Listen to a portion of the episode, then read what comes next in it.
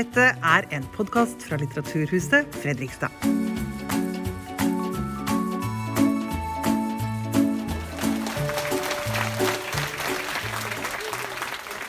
I dag møter vi Mattis Øybø i samtale med Richard Aare. Mattis og Richard har begge lang fartstid fra forlagsbransjen, der de også har vært kolleger i en årrekke. Mattis Øybø debuterte i 2003 med romanen 'Alle ting skinner'. Og nå er han aktuell med en ny roman. Den heter 'Den siste overlevende er død', og det er denne romanen det handler om i dag. God fornøyelse. Tusen takk. Eh, ja, velkommen, Mattis. Takk. Tusen takk. Hvordan har du det? Jeg har det bra. Jeg har det bra. Så fint. Mm. Jeg vet at du ikke er så glad i å reise. Å reise kort er jeg glad i. Jeg kan godt eh, reise langt, som jeg syns er verre. Men reise kort syns jeg egentlig er ganske hyggelig. Så reisen sånn. til Fredrikstad, det har gått bra. Det har gått veldig bra. Um, som Anne nevnte, da, så, så kjenner vi hverandre ganske godt fra før. Mm. Vi har jobbet sammen i tiden Norsk Forlag i 18 år. Så vi har snakket en del litteratur før.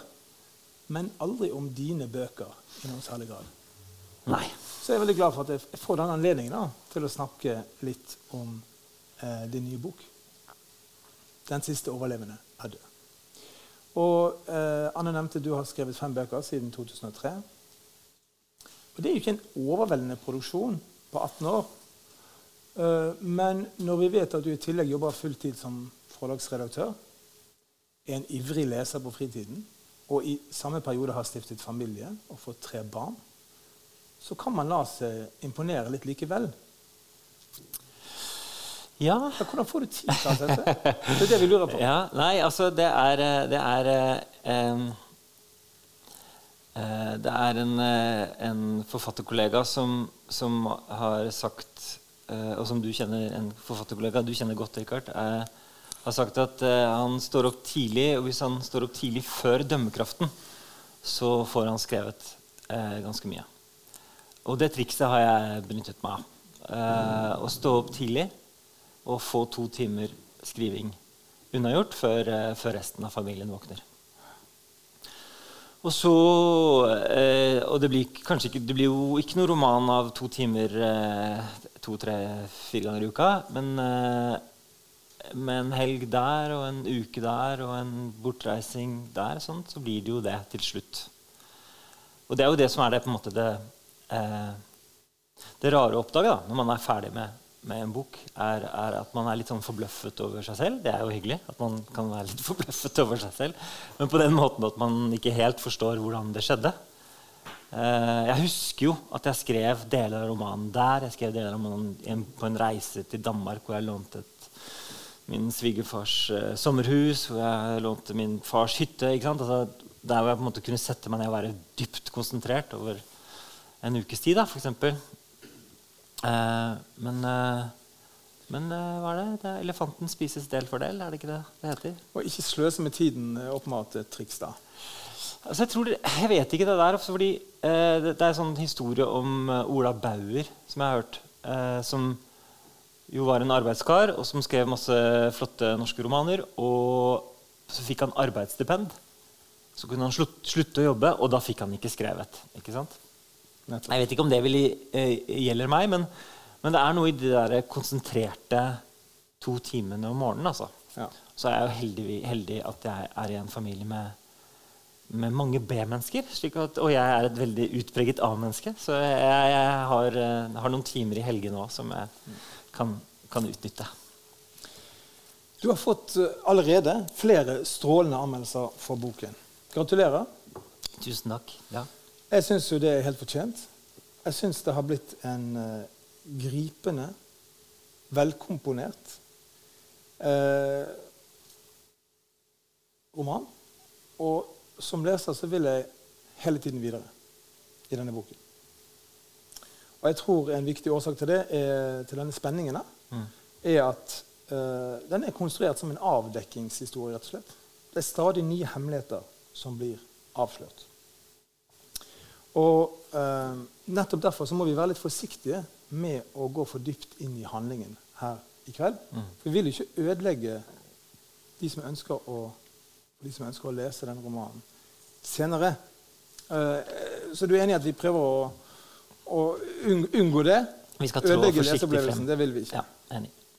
Um, men det vi kan si er at det er en roman som består av fem separate fortellinger. Um,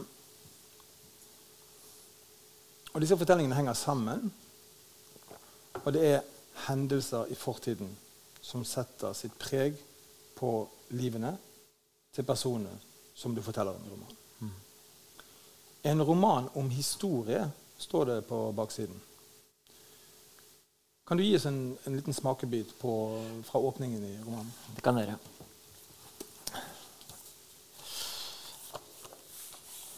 Ja, jeg skal lese åpningen. Eh, så tror jeg ikke den trenger noen eh, videre eh, introduksjon. Jeg må ha andre bilder. Sånn er det blitt. Mm. Han fikk beskjeden i begynnelsen av desember. Da hadde Jacob Meyer vært død i en uke allerede. Legen beklaget og forklarte at de hadde hatt noen tekniske utfordringer. Av en eller annen grunn var henvendelsen til de nærmeste pårørende sendt feil, noe som var blitt oppdaget først torsdag. Det handlet om overgangen til et nytt datasystem. I tillegg hadde mange i administrasjonen på sykehuset tatt seg fri fredagen grunnet et stort idrettsarrangement i Århus idrettspark. De skulle nå se nærmere på rutinene. Men hva døde han av? Å, unnskyld, sa legen mens det spraket i telefonen. Det var leveren. Den klarte ikke mer. Han døde som han levde, sa moren hans da han ringte henne like etterpå. Så så mamma. Vel, du kjente ham ikke, Jonathan. Han hadde bare vært seks da moren endelig hadde tatt motet til seg. Det eneste han husket fra den tiden, var en ubestemmelig lukt av røyk og støv, hvis det i det hele tatt kunne kalles et minne. Men hvorfor ringte de meg, da? Han hadde vel skrevet deg opp, sa moren. Hvem vet? Han trakk pusten. Han ville ikke være den som måtte ringe rundt til alle de andre. Han ville ikke ha det ansvaret. Er du lei deg? spurte hun da han ikke sa noe. Nei, sa han. Hva er det da? Hele situasjonen er bare så rar. Han hørte henne sukke. Å, ikke bli sentimental nå. Det fantes øyeblikk da han beundret morens kynisme. Da den skar gjennom all uklarhet, all trang til hensyn og inn til sakens ugjennomtrengelige kjerne. Men det fantes også øyeblikk som dette. Han valgte sitt liv, fortsatte hun. Og hvem, og hvem var han for deg? Han var faren min. Svaret kom uten at han hadde tenkt seg om, og han angret med det samme. Du har en far. Ja, jeg vet det. Så hvorfor holder du da på med dette? Etterpå overlot hun røret til Einar. Hei, Jonathan. Hei, pappa. Helt siden han var sju, hadde han kalt Einar for pappa. Moren hans hadde selvfølgelig rett. Så hva gjør dere? sa Einar. Nei, jeg vet ikke. Han må vel få en grav? I Århus, eller? Jeg må snakke med Simon først, sa Jonathan. Ja, Hvor befinner han seg for tiden? Sist vi hørte, var han i Singapore. Jeg tror han er tilbake i Frankfurt. Hils han fra oss, da. Og si fra hvis dere trenger noe, ok? En gang hadde han sett dem slåss. Dette var et av de få minnene han hadde om faren sin. Han husket ikke foranledningen, annet enn den han var blitt fortalt senere, og som inkluderte motivene som alltid fulgte historiene om Jacob Meyer. Det voldsomme temperamentet, de skitne klærne, lukten av billig sprit. De hadde nettopp flyttet til rekkehuset på Sinsen, og uten forvarsel hadde han dukket opp på døren og krevd å få se barna sine. Det hadde gått et drøyt år. Moren hadde stengt seg inne på badet, mens Einar hadde gjort seg så stor han kunne, stilt seg opp i døren og bedt ham om å gå. Jonathan hadde sett det hele fra rommet sitt i det andre. Hvordan kroppene deres slo mot hverandre lik to dyr og reduserte alle forskjellene mellom dem til denne ene. Hvem er den sterkeste? Og Da faren hans gikk i bakken og Einar lå over ham og ropte 'Gir du deg nå, din jævla fyllik?' kjente Jonathan både seier og skam. Han hadde sett sin far ydmyket, han hadde sett sin far triumfere. Og det var ikke mulig å bære de to følelsene samtidig. Takk for det. Denne, denne slåsskampen uh, den peker inn mot noe som jeg oppfatter som en veldig viktig del av, av eh, romanen. Nemlig det at uh, minner kan være svikefulle. For denne scenen den blir tatt opp igjen senere i romanen. Uh, og det er jo sånn da kanskje at med tiden så lagrer vi ulike versjoner av uh, minner. De ulike betrakterne lager ulike versjoner av det samme minnet. Mm. Du skriver også senere i, i, boken at vi er alle dårlige, dårlige historikere. Selv historikerne. Ja, spesielt historikerne, kanskje. Fordi dyret i oss er fortellende. Mm. Kan ikke du si litt om hva du legger i det? Ja, altså Jeg, jeg um, uh, Dette minnet som, som Jonathan har om, om fedrene sine, da, det er jo et slags kjerneminne for ham på den måten at han har veldig lite kunnskap om han har lite kunnskap om den, hans biologiske far. rett og slett. Nesten ikke noen. Og når hans biologiske far dør, så griper han jo til tak i det han, det han kan. Mm. Så dette minnet på en måte forsterkes jo han, eller er, blir større han, på en måte. ikke sant? For det, det på en måte den type Ja øh, at, at, han, at, at, han, har sett han bli ydmyket, da blir en, blir en måte å prøve å kanskje ta, ivareta ham på, prøve å bevare det minnet, bevare den faren han ikke kjente. da. Slik at det minnet blir veldig viktig. Eh, men, men, nettopp fordi minner også er så innmari har en sånn konstruktiv karakter, altså at de går inn i en eller, annen, eh, en eller annen fortelling 'Jeg kjente ikke faren min, og derfor er dette viktig, viktig for meg.' Eller gå inn i en eller annen større fortelling som på en måte bygger seg opp med fortellingens virkemidler. da, Som vendepunkter. Ja, det, 'Jeg ble den jeg er fordi dette hentet meg', hentet meg osv.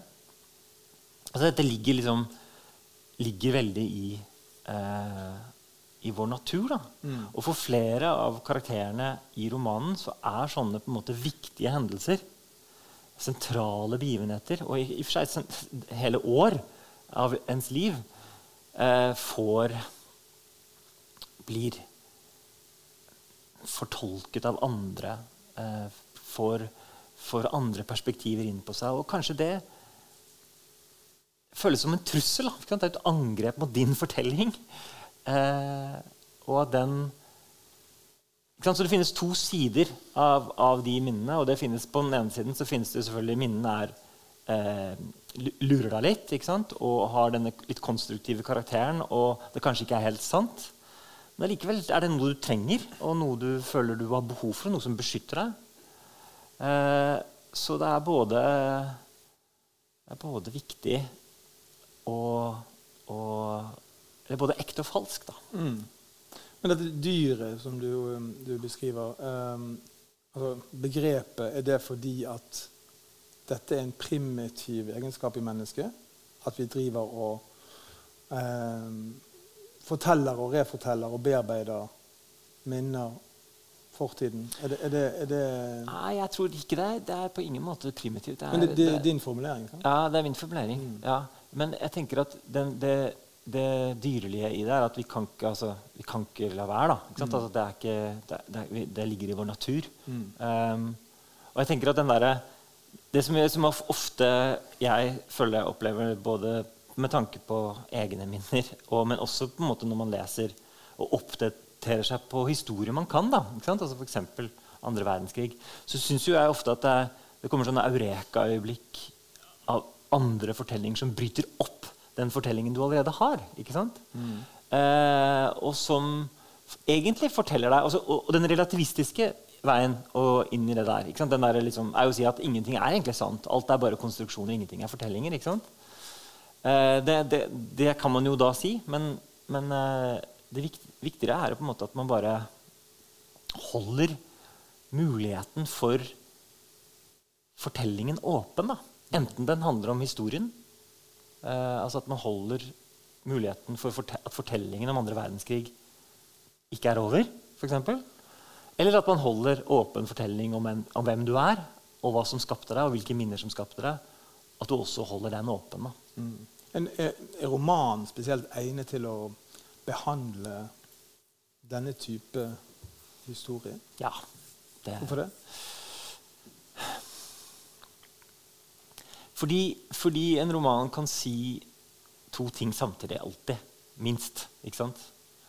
Eh, den kan si den, Du kan lage Altså eh, Den scenen eh, til Jonathan, det minnet Jonathan har, betyr noe for ham, men det betyr noe annet for broren hans. Og det kommer jo frem senere i romanen. Må ikke du si for mye? Nei, jeg skal ikke si for mye. Men det, betyr, men det betyr noe annet. Og det betyr noe annet igjen for moren hans. Ikke sant? Mm. Eh, og eh, nettopp fordi de, fordi de har denne, disse liksom ja, u, ulike betydninger, ulike verdiene, ulike det kan, det kan, jeg si i en roman samtidig. ikke sant? Flere versjoner kan leve ja, Og at, at, man kan ende opp i, måte, i den som, som, jo jeg mener er produktive krangler. da. Altså, jeg mener jo på en måte eh, jeg, jeg, har lyktes med boken hvis jeg ender opp som jeg av og til har gjort med noen lesere, ender opp i noen diskusjoner ja, men, ja, men han har jo rett. Og så sier jeg nei, det vet jeg ikke. Kanskje, nei, jeg tror ikke han har rett. Altså At man er uenig litt om, om disse fortolkningene fordi de ligger der på en måte med like stor verdi da, på en, på en eller annen vis. Mm.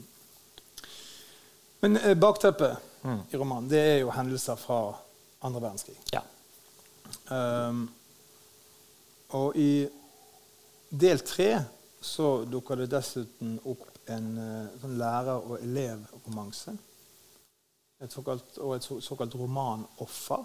Mm -hmm. Og eh, Noen vil kanskje mistenke deg for å utnytte aktualiteten i disse temaene. Altså metoo, virkelighetslitteraturdebatten, og ikke minst de pågående debattene om eh, hjemmefronten, Michelet, æresretten, Forfatterforeningen. Eh, og frontkjempernes ettermæle, som også har vært, eh, vært eh, der diskusjonen har gått høyt. da. Eh, skriver du om dette fordi du er PR-kort? Jeg skriver jo alltid litt fordi jeg er PR-kåt eh, på et eller annet plan. Men eh, eh, på Altså, jeg skriver Jeg tror jo En av grunnene til at, at eh, Eller en sentral grunn til at andre verdenskrig har blitt så Altså, De store kulturdebattene i Norge for tiden handler om andre verdenskrig. Hvem skulle trodd det? ikke sant? Både Michelet-debatten, Hamsun-debatten eh, knyttet til Ståle mm. Bok, handler veldig mye om det. Og det som er så interessant, og det er jo det jeg har ønsket å skrive om i romanen, og som på en måte tittelen svarer på, er jo at vi befinner oss egentlig i en ganske akutt, interessant, ny situasjon. Og det er jo at siste, de siste overlevende dør. Faktisk i dag. Faktisk i dag. Ja. ja så du den nyhetssaken? Siste tidsvitne fra Auschwitz ja. døde i dag. Ja, nei, Det var den siste soldaten som hadde kommet til å befridd leiren. Jeg hørte mm. det på radioen i morges. Det er, det er liksom sånn, Den siste overlevende er død. Eh, og hva, hva, hva, betyr det? Ikke sant? Det betyr jo at, at nå må historien gjenfortelles.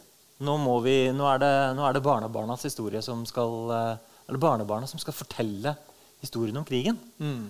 Eh, og nå er det Står vi på en måte fritt Eller friere overfor eh, de, som, de, som, har bevitnet det. Da, ikke mm. sant? Og mange av de er jo eh, fantastiske vitner. Eh, og stor, sterke ressurser. Men andre av dem var jo også portvoktere. på en måte, ikke sant? Altså, hadde en agenda, ville fortelle det på sin måte, hadde en klar idé om hvordan denne ja, hvordan andre verdenskrig skulle, for eksempel, skulle være nasjonalbyggende. Da. Og Det førte jo for til at kommunistenes innsats etter krigen ble veldig underfortalt og helt underkommunisert. Mm. Så alle disse tingene som dukker opp, altså kommunistenes rolle, de, der, de jentene som, eh, som eh, ble kjærester med tyskerne og fikk barn, deres liksom, status er blitt endret. Ikke sant? Eh, og ikke minst eh, de norske jødene. da. Mm. Eh, at historiefortellingen har forflyttet seg til å også ønske å inkludere ja, de, de, fortellingene som ikke har vært så mye fremme. Mm. Du skriver også essayistisk om, om måten eh, F.eks. holocaust-begrepet ble dannet. da, og, og, hvordan andre verdenskrig nærmer seg nærmest en slags fortelling om holocaust. For alt det andre bare forsvinner i, inn i, i tåkeheimen, mens, mens, holocaust er det som blir stående som fortellingen om andre verdenskrig. Mm. Uh, ja. Nei, altså, nei, Holocaust er veldig interessant. Jeg, jeg, jeg, jeg studerte, Da jeg tok hovedfag på litteraturvitenskap på slutten av 90-tallet, så, så, skrev jeg en hovedfagsoppgave om, om holocaust-litteratur eller vitnemål fra Auschwitz. Da. Så jeg har fulgt denne debatten ganske lenge, egentlig. Eh, og det som er det interessante ved det, er jo hvordan holocaust på en måte lenge ble betraktet som en perifer hendelse.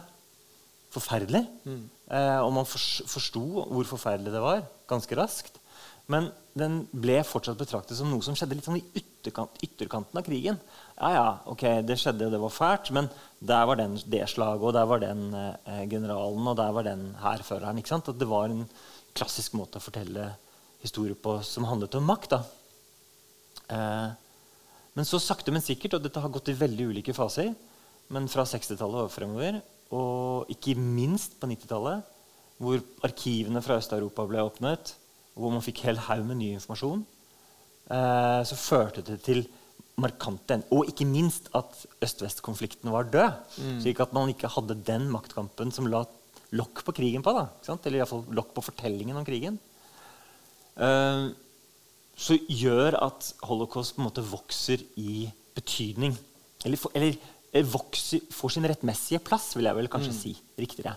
At det får sin rettmessige plass, Men samtidig også vokser i betydning. Og, og, man må omskrive en del av historien. Man må liksom tenke på den eh, på en litt annen måte. At antisemittismen i nazismen, i nazismen var viktigere enn det man kanskje har antatt. Mm. Og det er der jeg syns det er så utrolig interessant, det paradokset som historien igjen og igjen viser oss, er at det er en sånn dobbelthet. at på, måte, på den ene siden så får vi vite mer. Fordi det er mer som kommer til rette, det er dokumenter som kommer opp, det er flere som studerer. Liksom, man får vite stadig mer, samtidig som man får vite mindre. For folk dør, forsvinner, vitnene blir borte. Eh, det er ingen som på en måte kan være representant for den tiden lenger. Da. Og den, jeg liksom leser, leser den Michelet-debatten i stor grad akkurat i det skjæringspunktet. Mm. Eh, Men Er dette også bakgrunnen for at denne boken kommer nå? Altså Bakgrunnen for den boken kommer nå, var at jeg skulle skrive en Jeg, gikk inn på, jeg, skulle, jeg fikk tak i noen brev fra min, fra min morfar. Eh, som min morfar hadde skrevet til min mormor i, eh, fra konsentrasjonsleir i, i, i Polen. Han, satt, han, var politimann, han ble arrestert i, i 43. Eh, for han nektet å skrive den på en lojalitetserklæring. Eh, han var norsk og, og, og, og, ble veldig behandlet godt. og Ble satt i en sånn spesialleir like utenfor Gdansk, eh, i en leir som het Stutthof. Så begynte jeg å lese de brevene, og det var, var helt fantastisk å lese de brevene. Det var helt nydelig. Eh, og så begynte jeg å lese ganske mye om det stoffet. Og så snakket jeg mye med min, med min onkel og mye med min mor og hadde lyst til å skrive den boka. Men det fikk jeg det ikke til. da. Men en ting som eh, festet seg, egentlig, var, var eh, Min onkel fortalte at eh, min onkel, eh, min, med, Dette er ikke noe, det er en sånn historie om en, om en, far som kommer tilbake fra krigen. Min bestefar kom tilbake fra krigen, og så skilte han seg fra min mormor. Så flyttet han til utlandet. så han var ganske sånn perifer. Jeg så han bare en håndfull ganger. En perifer skikkelse også for mamma og min onkel. Eh, men der er det en sånn fin historie om da han Eller fin, det er en vakker historie, syns jo jeg, da, som jeg da begynte med i romanen. Som jo er en historie om at da han døde på 90-tallet, så ble asken sendt hjem til Norge. Men så skulle jo de forsøke, og mamma og onkelen min da prøve å få han gravlagt. Men så tok det litt tid. Så min onkel hadde liksom masken i baksetet på bilen mens han kjørte rundt for å få faren sin gravlagt. da. Bare det bildet av en sønn som sitter med, med asken til faren sin i, i baksetet på bilen, det syns jeg var så flott. Og så fullt av litterære muligheter, at det stjal jeg. Og så, Det er utgangspunktet for egentlig den første historien jeg begynte å lese. Men du har jo da åpenbart lest uh, mye krigslitteratur, faglitteratur, og sikkert mye memoarlitteratur, som jo ofte da er uh, selvopplevde historier, eller historier om foreldre og, sant, og onkler osv. Uh, men øh, jeg vet også at du har lest øh, og vært fascinert av første verdenskrig. Og denne fascinasjonen for, for, disse, for krig, for lidelse, for ødeleggelser um, Why? Nei, hvorfor det? Hvorfor det? Jeg var sånn, jeg var sånn krigsglad Jeg var en veldig krigsglad gutt. Jeg, altså, det, det, er en paradoks der. Mamma lurte jo alltid på det. For jeg, jeg var en, eh, eh, for det hun forteller meg, jeg var en veldig snilt barn. Forsiktig barn, yngst i en søskenflokk på fire, men hadde taket fylt av krigsfly og modellfly og jagerfly. Og jeg lå i senga og så hvordan de der luftkampene var. Jeg leste masse sånne krigskamp eh, kampserien og Spion 13-serien, som ikke lenger fins, tror jeg. Men uh, som var fylt, av Donnerwetter og uh, ikke sant? Uh, Achtung og, og, og gode briter. Um, så, så, jeg, og, så jeg har alltid vært veldig, veldig fascinert av det. Altså. Mm. Uh, den, men jeg tror at den sånn helt spesifikt hvor jeg blir på en måte la oss si mer aktivt faglig interessert, da, så handlet det mye om uh, da jeg tok uh, litteraturvitenskap hovedfag og skulle skrive om vitnemål. For det var en sånn type tekst, Dette var da på slutten av 90-tallet, og 90-tallet på Blindern var bare postmodern heaven. Eh, på den måten at vi leste alt inn som tekstteori og hadde de kuleste franske teoretikerne på pensum og amerikanerne som på en måte satte spørsmål ved eh, både tekstens, men også historiens eh, altså satte spørsmål ved virkelighet. Da, I hvilken mm. grad virkeligheten lot seg representere i eh, tekst. Og så plutselig så sitter man med disse vitnemålene fra, fra Auschwitz Primo Levi, Shana Marie med flere. Imre Kertész. Og de er så vanskelig, de, de, er, Du kan ikke gå til den og si det er bare tekst. Det er sånn vanskeligere å gå til de eh, tekstene og si ja, men det er jo bare en tekst. Så det var en protest mot teoriveldet? Så til de grader en protest. Og veldig tidstypisk eh, hovedfagsoppgave, kan jeg jo i ettertid se. Men, eh, men, eh, men absolutt en protest. Vi skal, ikke, vi, skal, vi skal ikke, snakke mer om hovedfag. eh, av disse fem eh, fortellingene sant, så er det en som, som står litt ut, som, eh, som er eh, størst av de, og som bærer samme tittel som, ja. som romanen. Altså de siste over, 'Den siste overlevende er død'. Um, så det er naturlig å oppfatte det som en veldig sentral del av boken. Uh, kan du gi oss en liten smakebit fra den delen? Det er, en, det er jo, som Richard sa, en, en, en på en måte eh, En roman som er strukturert sånn at skal, måte, du får vite mer og mer om eh, noen sentrale hendelser eh, under andre verdenskrig, og som har stor betydning for alle av for, stor betydning for alle av romanenes karakterer. Men her skal vi inn i en fortelling om eh, Thomas. Han er 64 år gammel. Han eh, har levd eh, først 20 år med en kvinne.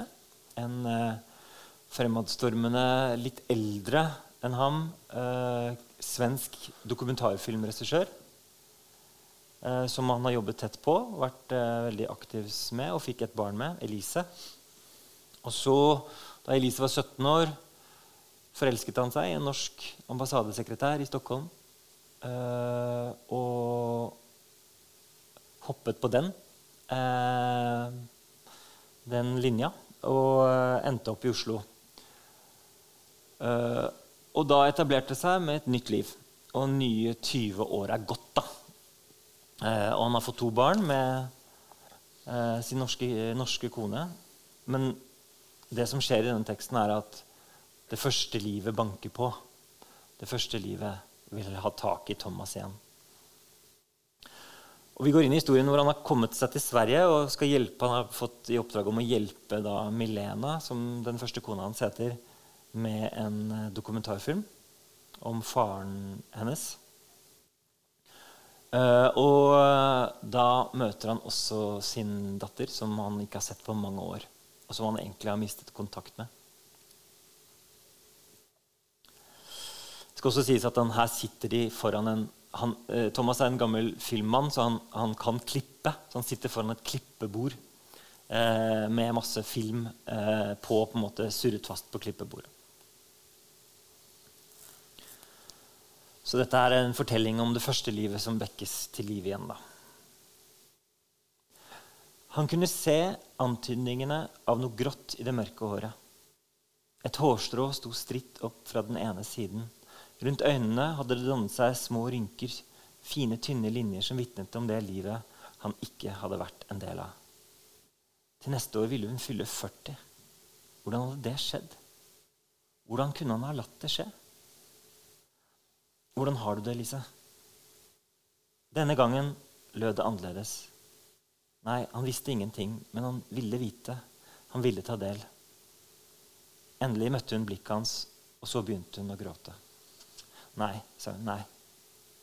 Hun ristet på hodet, men gråt fortsatt. Ikke tro på de tårene. Jeg har det faktisk bra. Bedre. Jeg har det mye bedre. Han strakk hånden ut og la den på armen hennes. Elise, sa han. Elise, Elise. Pusten hennes skalv. Hun dro armen vekk, og han kunne ikke annet enn å slippe. Hun var ikke ferdig, hun hadde mer å si. Jeg idylliserte deg så lenge, sa hun. Jeg håpet sånn. Jeg hatet mamma og ventet på deg. Og så hatet jeg dere begge. I lang tid. I mange år, egentlig. Men det har ikke brakt meg noe sted. Det har bare gjort meg ulykkelig. Hva vil du jeg skal gjøre, Lise? Jeg gjør hva som helst. Hun ristet på hodet, hun smilte, hun gråt. Jeg vet ikke, pappa.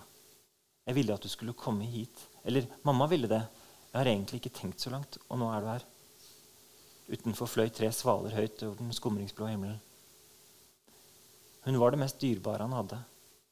Samtidig visste han ikke lenger hvem hun var. Var det mulig? Nei, hun var blitt en fremmed. Han hadde kommet for sent. 'Fortell meg hva du husker', sa, hun plutselig. 'Av meg, av oss, av det vi var'. Han så bort på klippebordet, lukket øynene og forsøkte å gjenkalle bevegelsen nedover det. Skulle rullen fast, presse perforeringene på plass, dra filmen gjennom spolene over til den andre platen. Jeg husker det jødiske brødet hun bakte, sa han og åpnet øynene. Jeg husker lukten av det. Jeg husker morgenene i leiligheten i Tystadgata. Hvordan de levde opp til navnet. Jeg husker lyset ved skrivebordet. Det mørkerøde teppet vi hadde kjøpt i Marokko. Ingmar, som alltid la seg ved føttene mine. Å, Ingmar, sa Elise. Fine Ingmar. Hva skjedde med ham? sa Thomas. Å, han forsvant ikke så lenge etter at du stakk. Han, han savnet deg kanskje? Thomas strøk fingertuppene mot hverandre. Han fortsatte. Jeg husker vi kunne gå til alt. Til skolen, til TV-huset, til filmhuset. Den skrekkelige bygningen som alle hatet. Alle unntatt Milena, selvfølgelig. Jeg husker krangelen hennes med Stefan Jarl. Salongsosialist kalte hun ham. Å, som hun fikk folk mot seg. Bergman forsøkte å hindre henne i å få støtte til det levende minnet pga. et eller annet hun hadde sagt om høstsonaten og hans vesttyske eksil. Han tok i bruk all sin makt, og han klarte det. Filmen ble jo utsatt i flere år. Og så kalte dere opp katten etter ham, sa Elise. Ja, Det var en slags hevn, tror jeg, uten at jeg helt skjønte på hvilken måte. Han så på henne og smilte idet enda et minne ble vekket i ham. Og så husker jeg Linus, sa han. Fantastiske Linus. Min første kjærlighet, sa Elise. Å, så lei deg du var. Mamma var ikke hjemme han gjorde det slutt. Husker du det? Hun mottok en pris et eller annet sted. På telefonen antydet hun at det var noe jeg hadde gjort. Thomas lo. Unnskyld, sa han. Det er ikke meningen å le. Nei, det er morsomt. Hun nektet seg ingenting. Hun elsket ham jo, sa han. Vi gjorde begge to. Den nydelige, blonde gutten, de enorme føttene hans, de hvite joggeskoene i gangen. SVK kalte vi ham. Visste du det? Store, vennlige kjempe. Hva gjør han nå? Han jobber i Sosialstyrelsen, sa Elise. Bor i Ålstein, er gift med en lege og har to barn som går på Montessori-skolen. På bildene han legger ut på Facebook, ser han tynn og overtrent ut. Klærne er fornuftige og maten sunn. Han er blitt verdens kjedeligste mann. VKM. Thomas lo igjen. Hva mer husker du, sa hun. Fortell meg mer. Minnene sto i rekke. Noe var brutt åpent, ja, men det han husket, var ikke lenger blandet og betinget. Nei, det sto frem med en klarhet som overrasket ham. Det fantes ingen tvil. Alt han hadde hatt, alt han hadde mistet. Takk.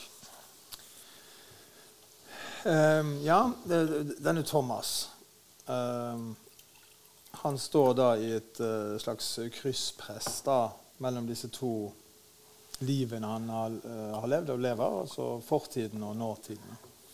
Og han, uh, han virker ikke så veldig sånn uh, Som en veldig bestemt type. Nei.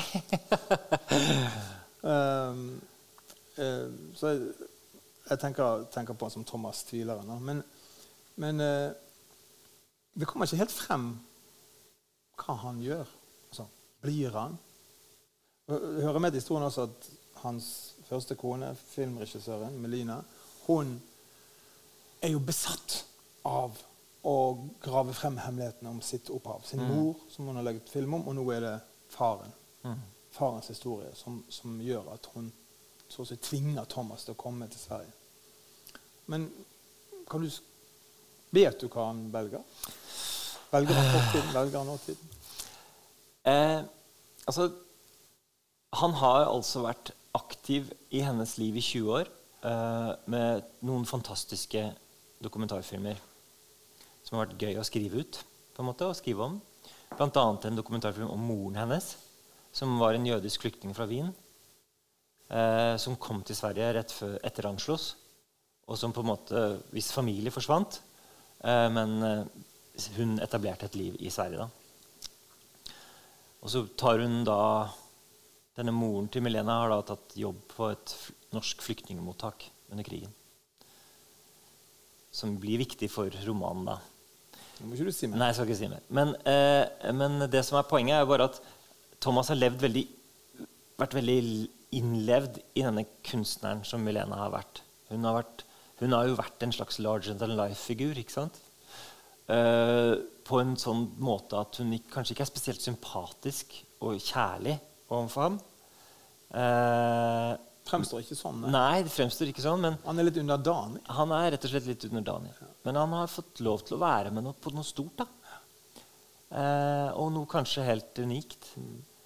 Eh, og det er jo den ikke sant? Så da han brøt med henne, så valgte han på en måte kanskje et Han valgte et annet liv, da. ikke sant? Et lykkeligere liv, antagelig. Eh, et mer ordinært liv? Med ordinært liv et roligere liv mm. eh, i Oslo. Med to barn og en, en ung, flott kone. Men, men, det er vel det, den konflikten han står i, da, mm. som er eh, hva han velger. Skal han velge å trå tilbake i det jeg, jeg, tror jeg skriver et eller annet sted at det finnes liksom eh, lykken. Han, han, har levd, han, er klar over at han har, har, levd et lykkelig liv med sin kone nummer to. Men at det finnes dette andre som han ikke helt vet hva han skal kalle. Men han kaller det kanskje å, å være i tjeneste. Eh, og det er kanskje litt underdanig, men jeg, jeg, jeg, jeg, er ikke sikker hva han gjør. Altså.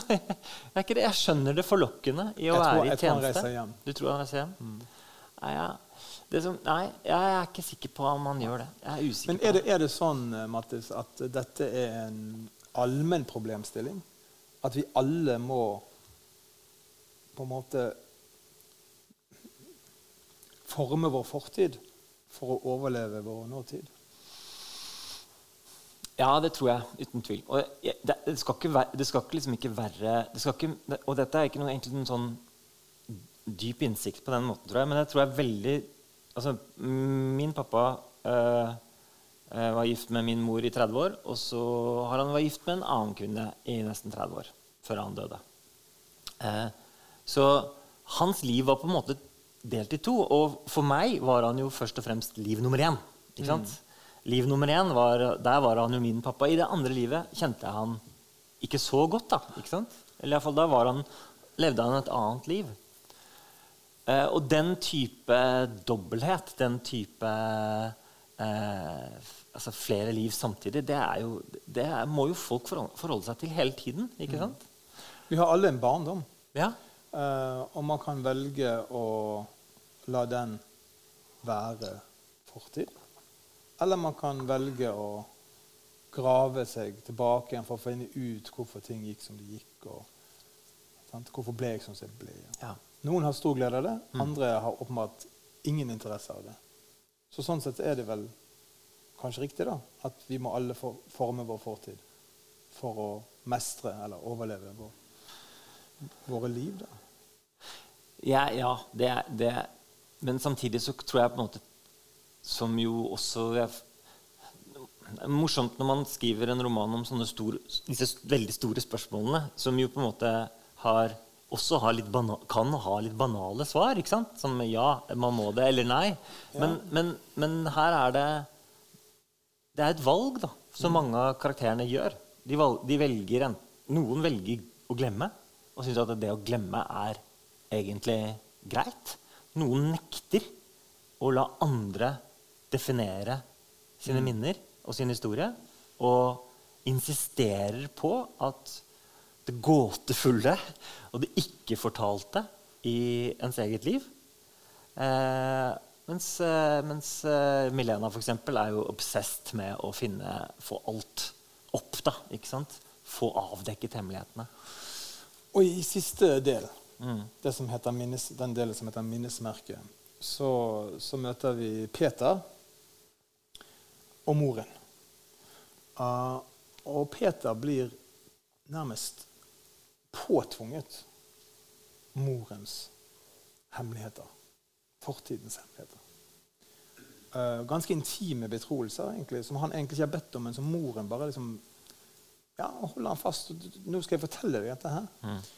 Um, og jeg tenker at den type hemmeligheter er det vi skal skåne våre barn for, tenker jeg da, instinktivt. da. Um, men tenker du at barn har rett til å vite sin fulle og hele sannhet om sine foreldre? Altså, nå kommer jo dette med Dette er en, en, den eh, korteste historien, den avsluttende historien i romanen. Og den kommer jo i en sånn scene hvor eh, Peter er, kommer hjem til moren sin. Peter har nettopp skilt seg og er liksom i, i, full sorg over på en måte å være skilt. Og så kommer han hjem og skal han gå en tur med moren sin. Men det han oppdager, har oppdaget er at moren begynner å bli gammel. Hun er over 80. Og han, han merker henne, hvor gammel hun er. Og, den, og den, den, det tror jeg er jo en veldig gjenkjennelig erfaring. er at på man, Å se på sine foreldre og forstå at de er, at de er gamle, og at den, den, den erkjennelsen rokker noe ved eh, forholdet mellom barn og forelder. Men i den, eh, det at hun er gammel, så er på en måte, har det et par ting kommet frem hos moren til Peter. Og det er jo at hun glemmer mye. Hun glemmer nøklene sine, glemmer PIN-koden, glemmer til. Og så hun, har hun begynt å betro seg. Ikke sant? F.eks. si 'jeg er så glad i deg'. Som hun han har aldri vært i tvil om at hun er glad i ham. Det hun, har hun aldri vært i tvil om. Men hun har begynt å si det. Det har ikke vært et språk det har vært vant for dem for. Så hun har begynt å si 'Jeg er så glad i deg'. Som han syns er hyggelig, altså. Men han, han, han syns det er intimiserende. da.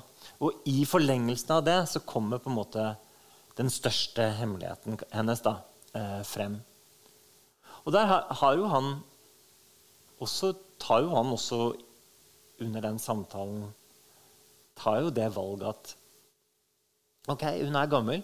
Jeg, kom, kommer å, jeg kommer til å miste henne eh, snart. Eh, så er hun ikke her lenger. Jeg må ta det jeg får. Han velger å ta imot? Han velger å ta imot. Mm. Han velger å gå inn i det og vite det. Og samtidig, når han er selv i en sånn oppbruddsprosess med utroskap antagelig, eh, og skilsmisse og den type smørje, så, så på en måte så er han sårbar og derfor også åpen. Tror jeg. Og får seg en sterk historie. da. Og får seg en veldig sterk historie. Det gjør han. Stakkars mann, sier jeg. Ja. Eh, vi, vi nærmer oss en, en avrunding her, Mattis. Um, men um, litt om, om uh, forfatterlivet til slutt. I, um, I en kommentar til en anmeldelse av boken din i Vagant så skrev du på, på Facebook eh, nylig Du skrev Det å lese en lang og reflekterende tekst om en roman jeg selv har skrevet, er som å bli underlagt en slags psykoanalyse. Uh, fint formulert, da. Uh, og vi to som har jobbet uh, lenge i, i forlag sammen, vi har jo uh, vært opptatt av uh, forfatterens rolle, forfatterens sårbarhet. De arbeider alene. De står alene mot verden. Um, og noen av disse forfatterne skal ikke nevne navn, de trenger en, en særlig form for omsorg. Er det sånn at du som um, profesjonell litterat er hevet over det behovet fordi du ser hele økonomien i dette? Eller trenger du også en heiagjeng? Jeg trenger avgjort en heiagjeng. Eh, avgjort trenger omsorg.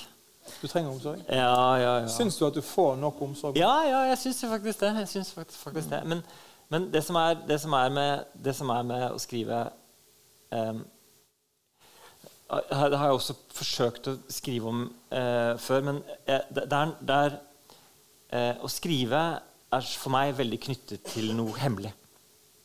Og hemmelig i veldig konkret forstand. Hemmelig fordi ingen andre vet hva jeg holder på med. Det er bare jeg som vet det.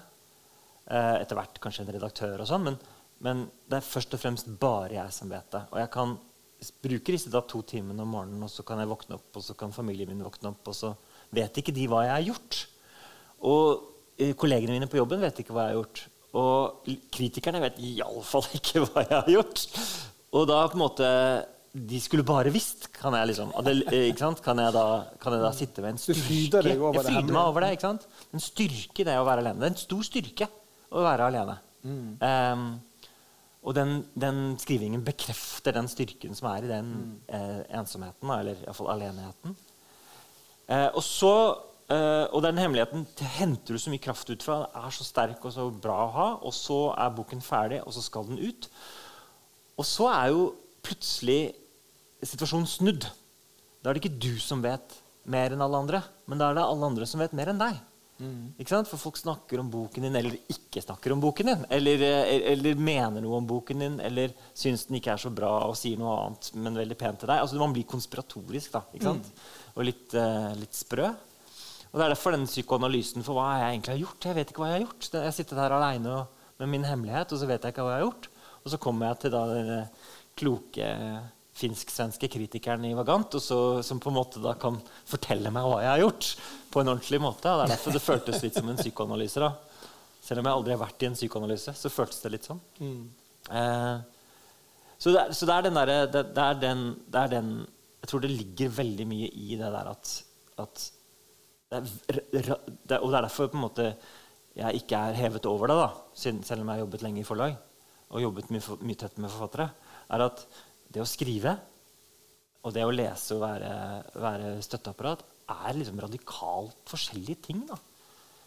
Og det, og det er nesten sånn at det å skrive og det å snakke om boka, sånn som jeg gjør nå, også er forskjellige ting. Altså, altså det, det har nesten ikke noe med hverandre å gjøre. Man nesten, hvis man skal sette det på spissen.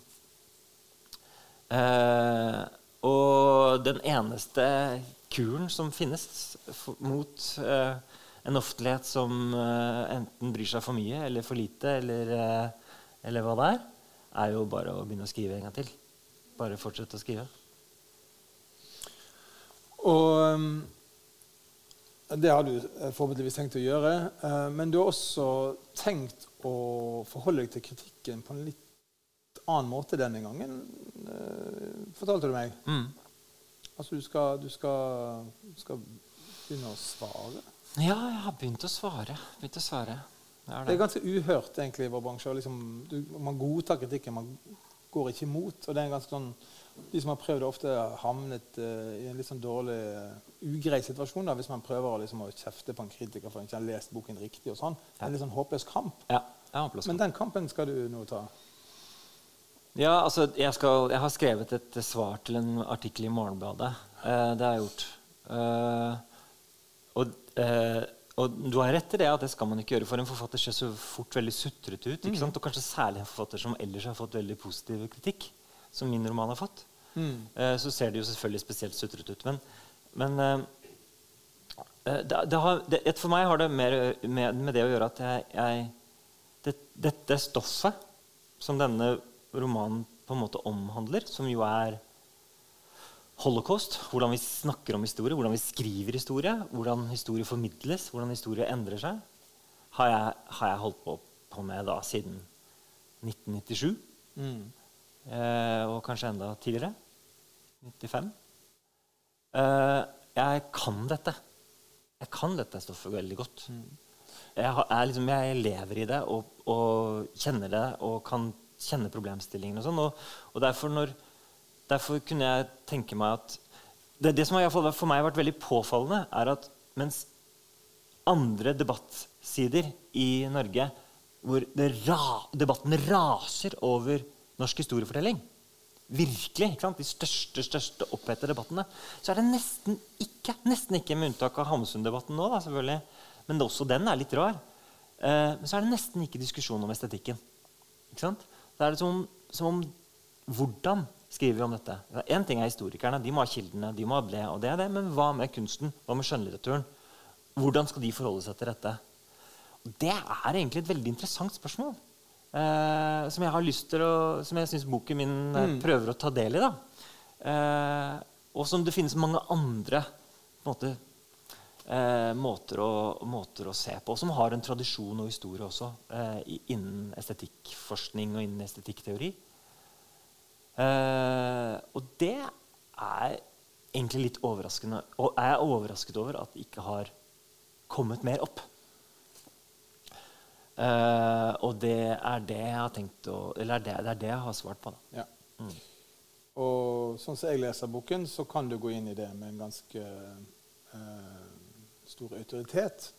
Min vurdering. Ja, takk. Uh, og, så jeg, jeg, heier på deg. Det er bra.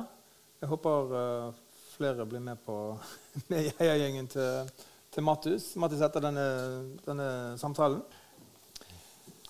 Jeg kan i hvert fall anbefale å lese denne boken. Det er en, en stor leseopplevelse. Tusen takk for at du kom til Fredrikstad, Mattis. Takk for meg. God tur hjem.